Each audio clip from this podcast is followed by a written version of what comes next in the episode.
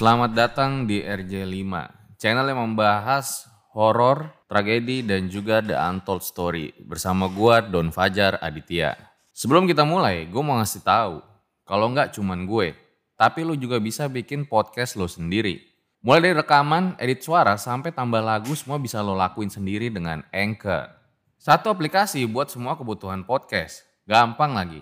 Tinggal lo download dari App Store dan Play Store atau bisa juga diakses dari website www.anchor.fm.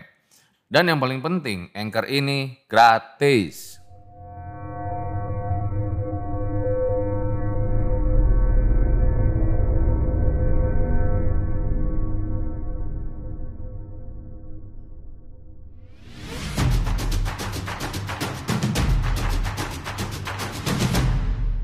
Kini Podcast Network. Mas sendiri? Iya mas, Dari mana mas? dari Jakarta. Bareng aja mas sama kita. Gitu. Daripada sendiri nggak pakai headlamp, takutnya salah nginjek. Nah, dia malah jawab apa? Enggak mas, makasih. Saya duluan ya. Dia malah ngoceh-ngoceh nggak jelas. Tahu nggak dia bilang apa? Di situ dia bilang berkali-kali, gue sampai lupa itu jumlahnya berapa kali. Dia bilang, lu semua tinggalin gue aja. Gue mau mati aja di sini.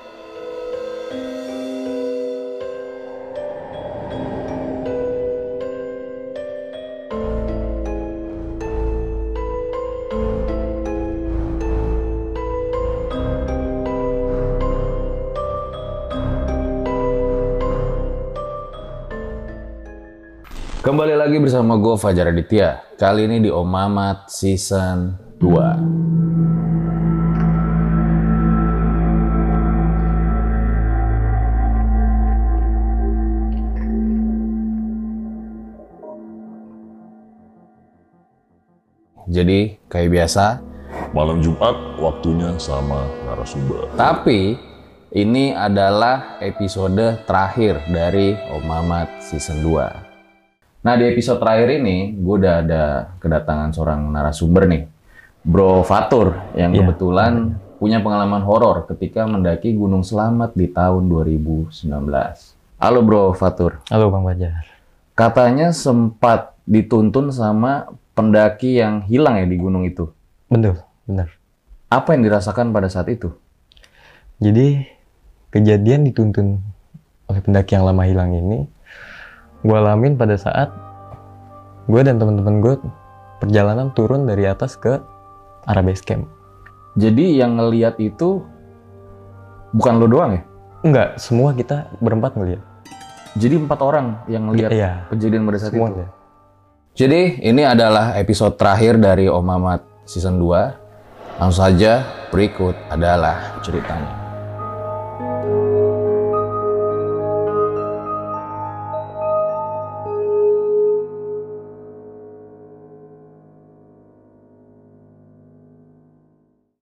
Kejadian ini gue alamin di tahun 2019 pada saat gue dan tiga orang teman gue, Adlal, Iqbal, dan Hafiz mendaki Gunung Selamat via jalur Bambangan.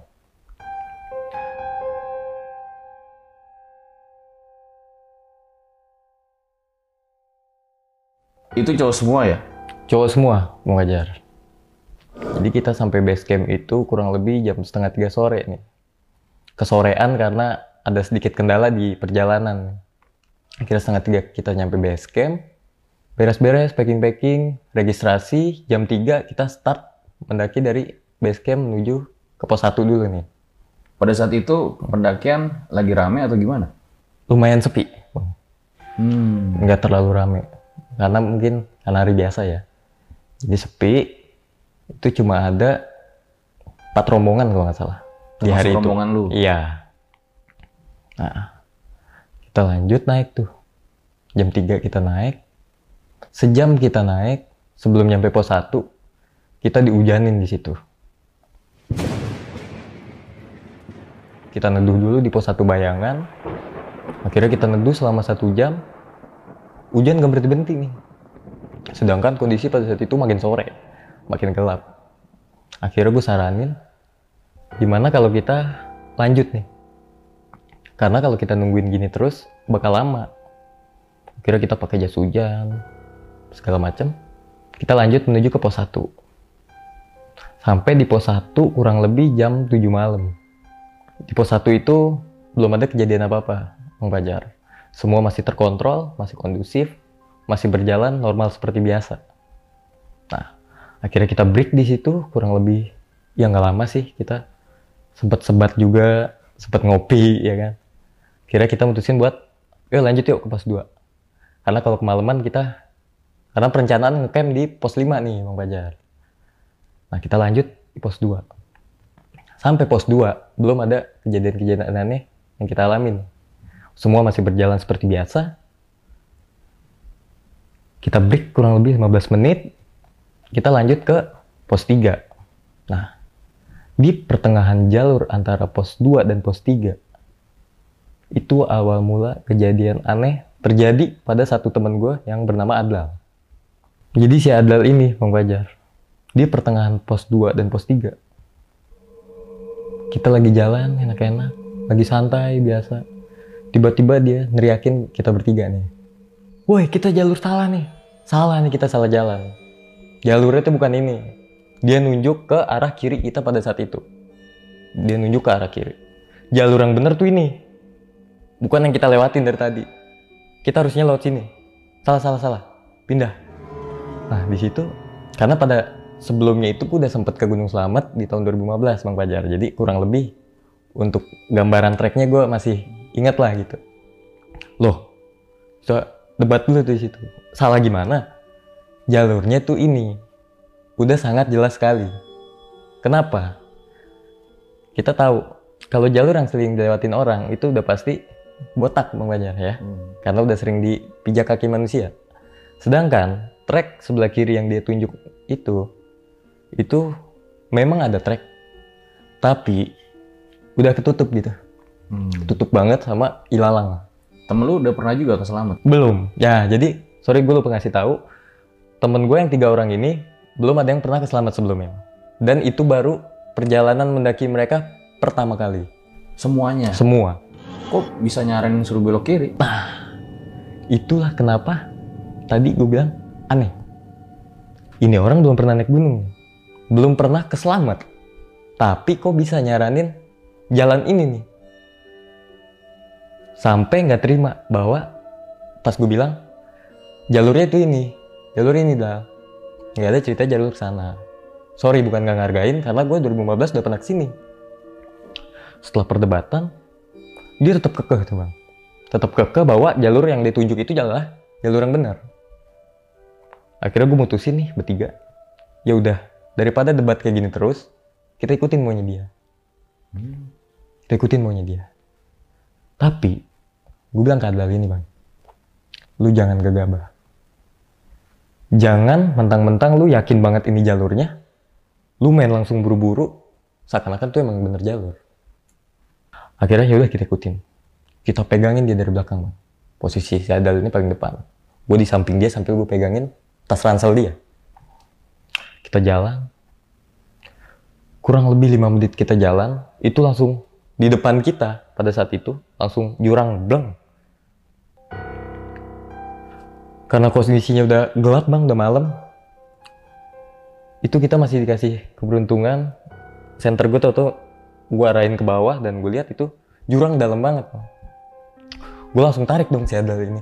Karena pada saat itu si Adal ini udah bener-bener nggak kekontrol sama kita kayak si Adlal ini bukan seperti Adlal yang biasanya. Seperti Adlal ini udah terpengaruh dengan hal lain yang kita nggak tahu pada saat itu. Dia terpengaruh oleh apa? Kayak kesurupan gitu. kesurupan nggak? Kayak dia dipengaruhi oleh hal lain gitu. Jadi yang dia pada saat itu tuh bukan dia. Yang gue rasain dengan dua orang teman gue ini. Tadinya dia kalem jarang berpendapat atau dia bisa nunjuk jalur itu dan jalur yang ditunjuk itu ujungnya tuh nggak ada. Putus gitu langsung ke jurang gitu langsung. Gue langsung tarik dia. Tarik adalah ini udah nggak beres nih. Tarik kita bertiga langsung putar arah tuh. Balik ke arah trek yang tadi lagi. Gue instruksiin ke dua orang temen gue ini Iqbal dan si Hafiz ini kita tempel terus si Adal jangan biarin dia lengah. Jangan biarin dia kosong. Kalau bisa ajak dia interaksi terus dan jangan sampai dia kepisah sama kita. Karena ini udah aneh banget nih. Si Adlal kayak gini. Dia sebelumnya nggak pernah kayak gini. Akhirnya kita tempel dia terus. Kita ajak dia terus berinteraksi biar nggak kosong.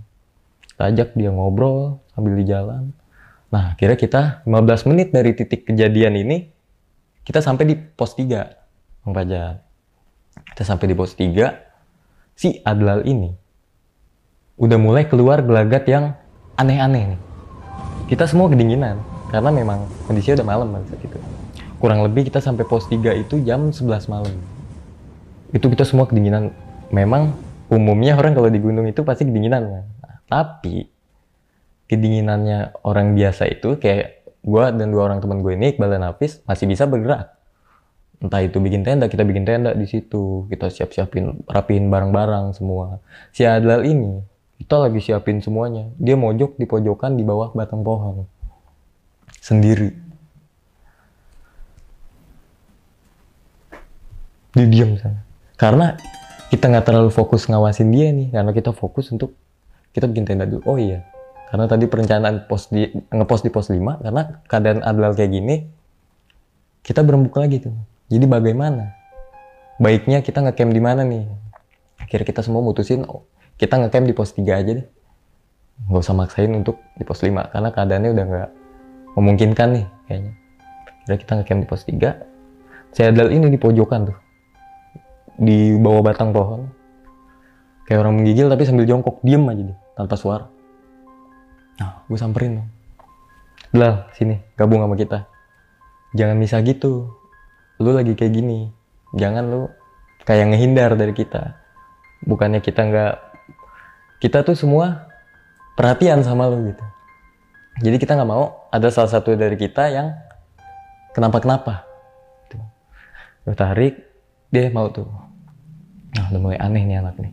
Nah akhirnya gue suruh ya udah lu semua tidur aja biar uh, makanan ini gue yang masak. Nah akhirnya gue masak tuh bar gue masak. Gak ada masalah tuh. Gue masak kayak orang-orang biasa masak. Gue motong-motong gue masak masukin air. Tiba-tiba dari dalam tenda gue dengar suara kayak orang lagi berantem. Kayak barang-barang dalam tenda itu ditendang-tendang. Gue langsung tuh dua orang temen gue langsung bangun nih karena mereka kaget juga. Gue bangun ternyata si Adlal ini lagi kedinginan kedinginannya itu kayak orang-orang gejala hipo bang. Tapi masih yang belum terlalu akut gitu masih ringan. Tapi tuh kan barang-barang tenda tuh di pinggir tenda tuh sampai ketendang-tendang sama dia sampai berantakan semua. Gue masuk akhirnya wah dia kedinginan nih. Gue bilang ke si Iqbal dan si Hafiz ini lu tolong peluk dia pokoknya gimana pun caranya bikin dia hangat. Karena kondisi pada saat itu gue lihat si Adal ini kedinginan bang. Lu bikin dia hangat gue ke depan dulu. Di situ gue bikinin dia jahe hangat susu hangat teh hangat semua yang hangat-hangat gue bikinin buat si Adal ini. Lu ajak dia ngobrol terus jangan sampai dia ngawur-ngawur ngaco-ngaco. Ya siap-siap. Gue ke depan tuh bang bikin. Akhirnya udah jadi gue kasih dia dia mau jahe hangat. Semua gue suruh minum dia masih normal bang kita ajak ngobrol dia masih nyambung. Gue suruh minum dia minum. Akhirnya kurang lebih 20 menit atau satu jam gitu ya. Akhirnya dia udah normal lagi tuh. Normal? Ya udah lanjut tidur lagi. Lanjut tidur lagi dia bertiga. Gue lanjut lagi karena masakan yang tadi belum selesai begitu lagi masak lagi. Tiba-tiba si Adlal ini lagi. Dari dalam tenda dia teriak woi gue dengar suara cewek nangis. Gue langsung kaget bang. Adel ngapain nih? Teriak-teriak malam-malam kayak gini di gunung pula. Gue langsung masuk ke dalam tenda gue tinggalin lagi itu masakan. Gue tanya ke dia emang lu denger apa lah gue dengar suara cewek nangis tuh asli ini dari belakang sini. Nah pada saat itu posisi yang dia tunjuk itu di belakang tenda kita itu jurang, Bang Pajar. Jadi persis banget di belakang tenda itu langsung jurang. Nunjuk katanya dengar suara cewek nangis dari jurang itu, dari belakang tenda itu. gue bilang dong ke dia Dal bukannya gue nggak mau percaya nih sama lu gue percaya tapi di gunung kayak gini kalau bisa lu ngeliat apa lu ngerasain apa kalau bisa nih lu tahan dulu lu rasain sendiri. Kalau nanti setelah sampai bawah lu mau cerita sama kita baru lu cerita. Gitu. Karena apa? Satu lu bikin diri lu tambah panik. Dan kedua bikin kita semua ikutan panik juga. Nah, kalau kita semua udah panik itu perjalanan udah gak bakal beres. Udah bakal sugesnya tuh udah bakal ngaco-ngaco. Nah, akhirnya ya udah. Sekarang lu lanjut tidur fokus siapin tenaga buat ntar nih beberapa jam atau beberapa menit lagi kita summit nih. Karena mepet banget waktunya nih Bang. Itu memang si Adlar itu temen main lu? temen rumah. Satu komunitas kebetulan. Ya. Biasanya nggak kayak gini. nggak pernah kayak gitu bang. Dia kalau di rumah itu ya kalem aja gitu. Nggak pernah yang neko-neko nggak pernah macem-macem. Nah oke. Gue lanjut nih bang. Akhirnya dari situ nggak ada lagi tuh yang aneh-aneh di pos 3 gue masak selesai gue bangunin kita makan. Lanjut tidur sebentar kita langsung bangun lagi tuh. Kurang lebih jam 2 pagi kita bangun semua. Kita prepare buat persiapan summit menuju puncak. Kita prepare nggak lama cuma beberapa menit jam 2 lewat dikit tuh kita langsung jalan tuh bang. Kita jalan dari pos 3 itu menuju puncak. Nah satu jam pendakian kita sampai di pos Samarantu pos 4 Samarantu Ed,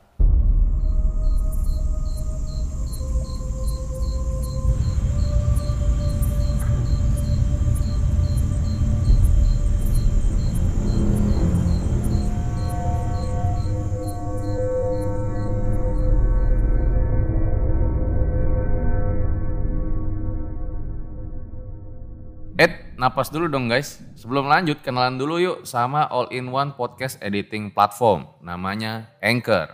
Anchor ini adalah aplikasi yang buat gue lebih mudah untuk rekaman, edit suara, tambah lagu. Pokoknya segala hal dalam pembuatan podcast yang lo dengerin ini. Jadi kalau lo mau bikin podcast lo sendiri, sekarang juga bisa. Caranya tinggal download dari App Store dan Play Store. Download Anchor sekarang juga.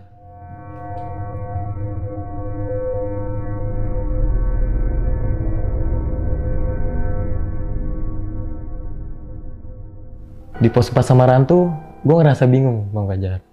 Kenapa bingung?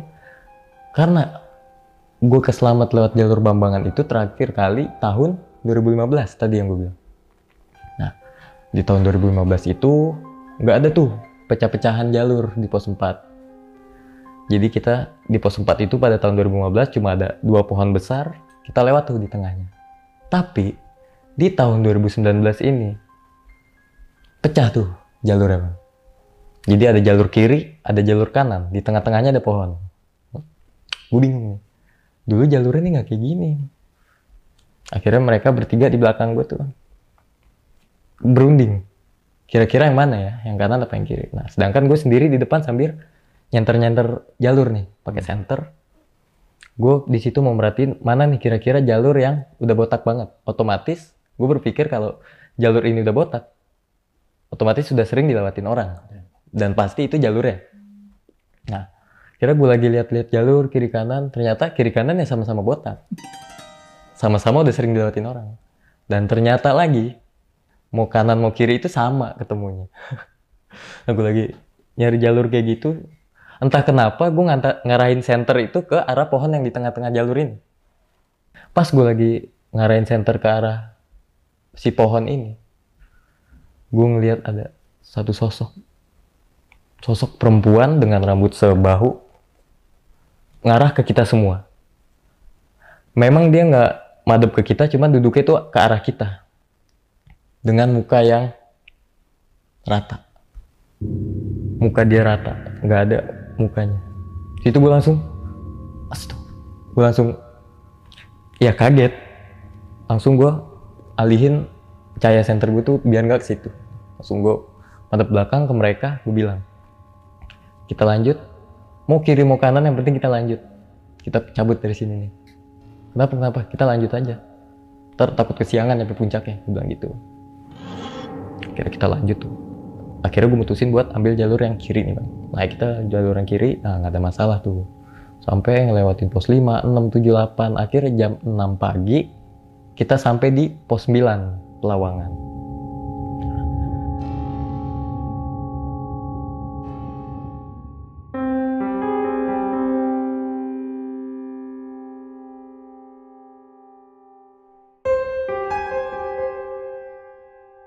Pos 9 Pelawangan, si Adlal, Iqbal, dan Hafiz ini mutusin buat foto-foto dulu ya.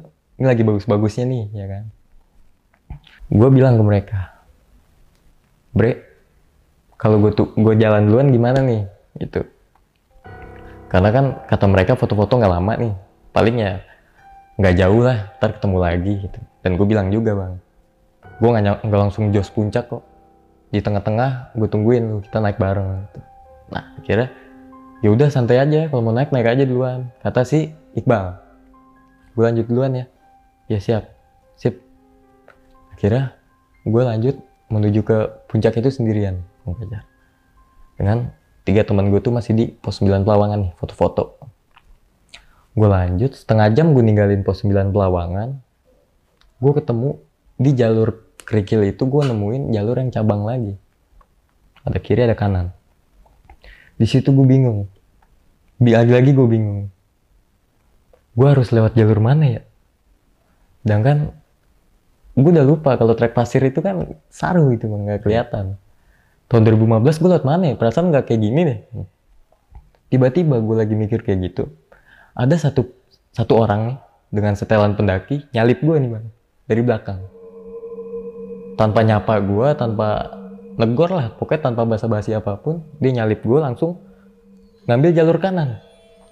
Oh, gue kira, oh dia emang udah expert kali nih. Memang udah sering ke sini mungkin. Jadi dia udah hafal. Nah, diam-diam gue ikutin dia dari belakang. Ngambil jalur kanan ini juga.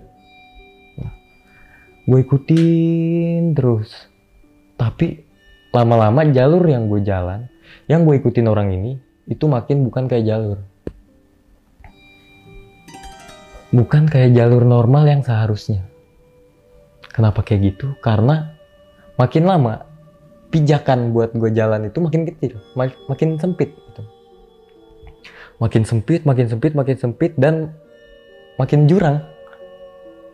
Yang kanan itu makin jurang. Sini tebing batu yang nggak mungkin gue panjat.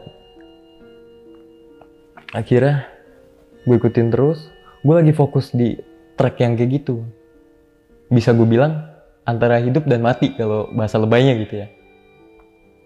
Tiba-tiba satu orang temen gue si Iqbal ini manggil gue nih dari bawah, dari pos 9. Karena secara visual gue masih kelihatan nih bang.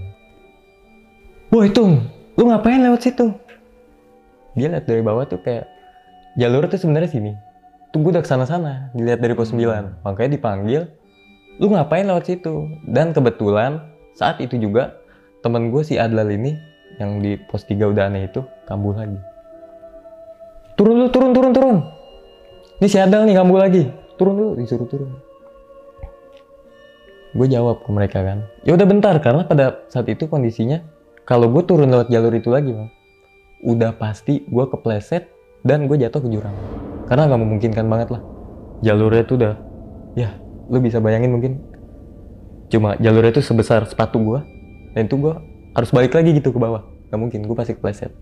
Gue bilang ke mereka oke okay, gue cari jalur dulu ke atas. Sampai ketemu jalur yang memungkinkan gue untuk melipir ke kiri. Ya udah pas abis gue nyautin temen gue itu gue nengok ke atas lagi. Orang dengan setelan pendaki yang dari tadi gue ikutin udah nggak ada. Orang yang tadi gue ikutin nggak ada. Di situ gue rasa gimana ya ini apa sih sebenarnya nih? Kenapa sih bisa kayak gini? Gitu. Kita salah apa? Gitu. Gue dituntun dengan orang yang gue nggak tahu siapa. Ke jalur yang kayak gitu dan setelah temen gue teriakin dari bawah setelah gue madep lagi ke atas orang ini nggak ada bang. Itu jadi bener-bener kanan lu langsung jurang ya? Langsung jurang bang dalam bang. Dan pendaki yang lo lihat pada saat itu boleh lo gambarin kayak gimana? Gue kurang kalau gue bayangin pada sini gue kurang kebayang bang ya pendaki yang nuntun gue itu pokoknya seperti pendaki pada umumnya. Seperti pers- eh, setelan pendaki pada saat summit. Dia tidak bawa apa-apa, nggak bawa ransel. Dia cuma pakai jaket gunung, sarung tangan segala macam lah, trekking. Cuma itu yang gue inget. Bang. Setelah itu, pas gue ke atas itu dia nggak ada, pikiran negatif tuh langsung. Mulai kayak gue ngeriwain dari awal perjalanan naik nih. Kok gini amat ya? Salah apa sih sebenarnya? Salah satu dari kita mungkin ada salah kali ini. Oke, gue mau mikirin ke situ dulu. Pokoknya gue pada saat itu mikir, gue fokus dulu cari jalur yang memungkinkan buat gue melipir ke jalur yang bener. Oke, itu tugas gue dulu. Akhirnya 20 menit gue telusurin jalur itu dengan merembet. Gue nggak bisa diri karena kondisinya Bener-bener setapak doang ya. tapak doang. Ngeri banget. Keseimbangan gue Iya. udah sangat minim-minim sekali pada saat itu. Sebenarnya pas lu udah jalur mulai mengecil itu, kenapa Hmm. lu masih tetap lanjut? Itu bang, anehnya. Kenapa gue, gue tuh kayak terpengaruh sama ini orang, sama ini. Gue nggak tahu itu orang atau apa, pokoknya gue lihat itu orang. Gue kayak terpengaruh sama dia. Gue kayak diikat sama dia, jadi ke mana pun dia jalan, gue mau nggak mau gue ikut gitu. Kayak gue kayak notice bahasanya gitu. Akhirnya ketemu, gue langsung turun ke bawah. Dan bener, ternyata pas gue sampai pos 9 Pelawangan itu, si Adla, temen gue ini, lagi menggigil hebat banget. Lebih parah dari menggigil yang di pos 3 semalam nih, Bang Fajar. Menggigil tuh bener-bener sampai, jadi kan tuh pos 9 tuh udah mulai batas vegetasi bang ya, udah gak ada pohon, dan itu udah kerikil-kerikil. Kerikil itu sampai ketendang-tendang sama kaki dia. Gue udah parah banget kondisi dia di pos 9. Wah, di situ gue tenangin diri dulu. Jangan panik nih. Gue instruksiin ke dua teman gue nih, ke Iqbal sama Afis ini. Tenang, tenang. Dia cuma kedinginan. Gue coba nenangin mereka nih. Kita nggak boleh panik. Kita harus berpikir secara jernih gitu.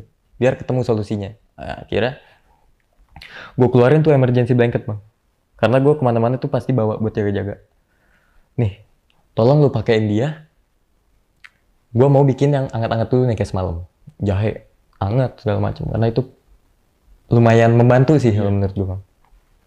Akhirnya dipakein tuh emergency blanket, langsung dipakein, tutup. Gue bikin anget-anget. Nah di situ kita nanganin dia lumayan lama tuh bang. Sejam kita nanganin dia. Akhirnya setelah sejam, si Adlal ini normal lagi. Nah situ kita udah mulai bisa tenang lagi nih. Nah, gue nanya nih ke mereka bertiga nih, gimana? Kita lanjut muncak nggak? Kalau menurut gue nih, mendingan kita nggak usah maksain.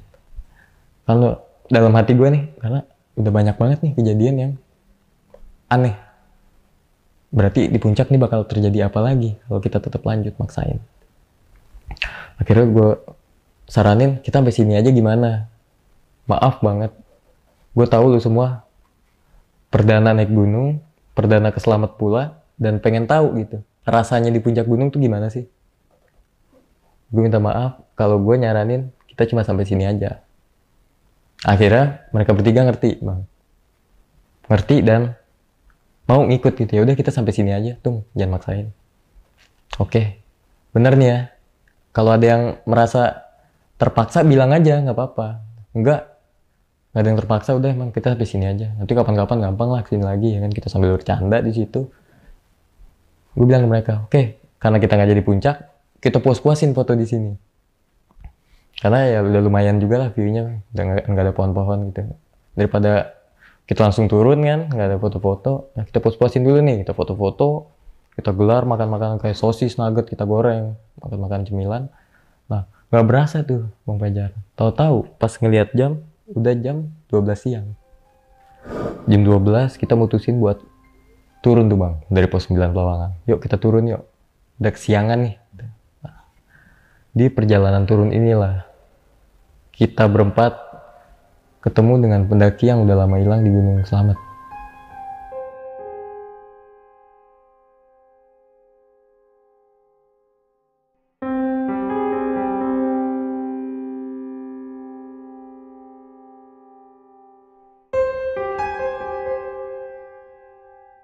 Kita jalan turun dari pos 9 itu kurang lebih jam 12 siang tuh, Bang Pajar. Di perjalanan turun, nggak ada masalah nih. Nah, sampai di pos 5, tiga orang temen gue ini minta break. Minta break untuk makan. Kita makan dulu yuk. Karena memang kita terakhir makan itu semalam nih, sebelum summit. Oke, nah mereka makan di situ. Nah, gue bilang ke mereka nih, nah ini gue bukan niat mau ninggalin mereka ya bang ya. Maksudnya, gue izin ke mereka, kalau gue turun duluan gimana nih? Gue ke tenda duluan, dengan tujuan, gue mau ngerapihin barang-barang yang di tenda, gue lipet tenda, gue packing segala macem. Jadi, pas mereka sampai bawah, nyampe pos 3, itu tugasnya udah nggak banyak lagi nih. Oke, mereka setuju, ya udah kita makan di sini, lu turun turun duluan sendiri gitu. Emang nggak apa-apa lu turun sendiri ngeberesin tenda sendiri, udah gampang. Lu nggak makan dong? Gue belum makan bang, gue makannya yang semalam itu. Nah, kira udah bla bla bla segala macem beres, gue lanjut tuh bang. Nah, setengah jam gue perjalanan turun dari pos 5 sampai tuh di pos 4. Sampai di pos 4 ketemu jalur yang cabang tadi lagi. Gue langsung karena gue udah tahu itu ketemu lagi langsung pede tuh ngambil jalur kiri ke arah turun. Nah, di tengah trek yang sebelah kiri ini, Bang. Gue ngelihat sosok perempuan yang semalam gue lihat. Sosok perempuan yang semalam ada di pohon itu, sekarang ada di pinggir trek yang gue mau lewatin.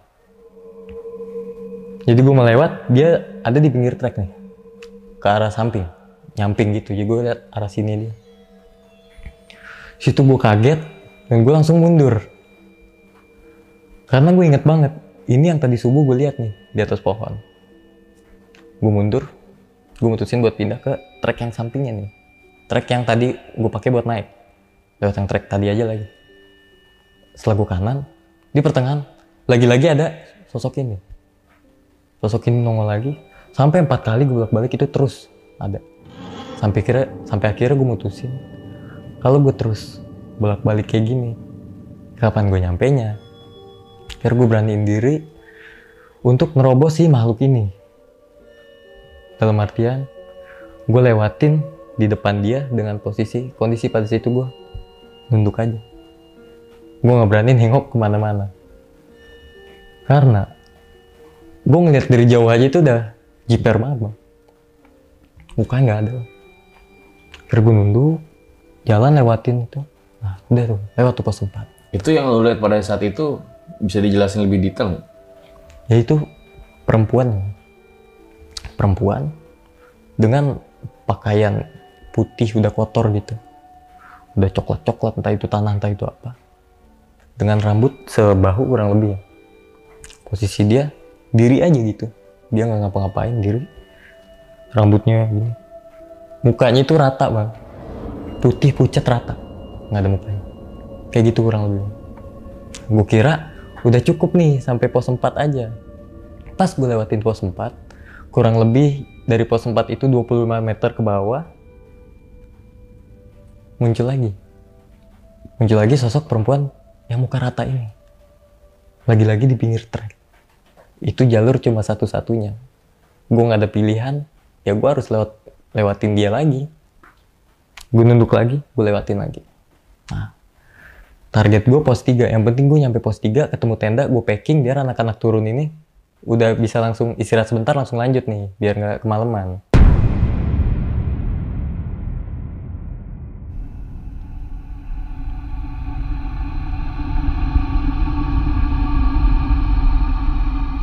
Tunggu kelanjutannya di part terakhir.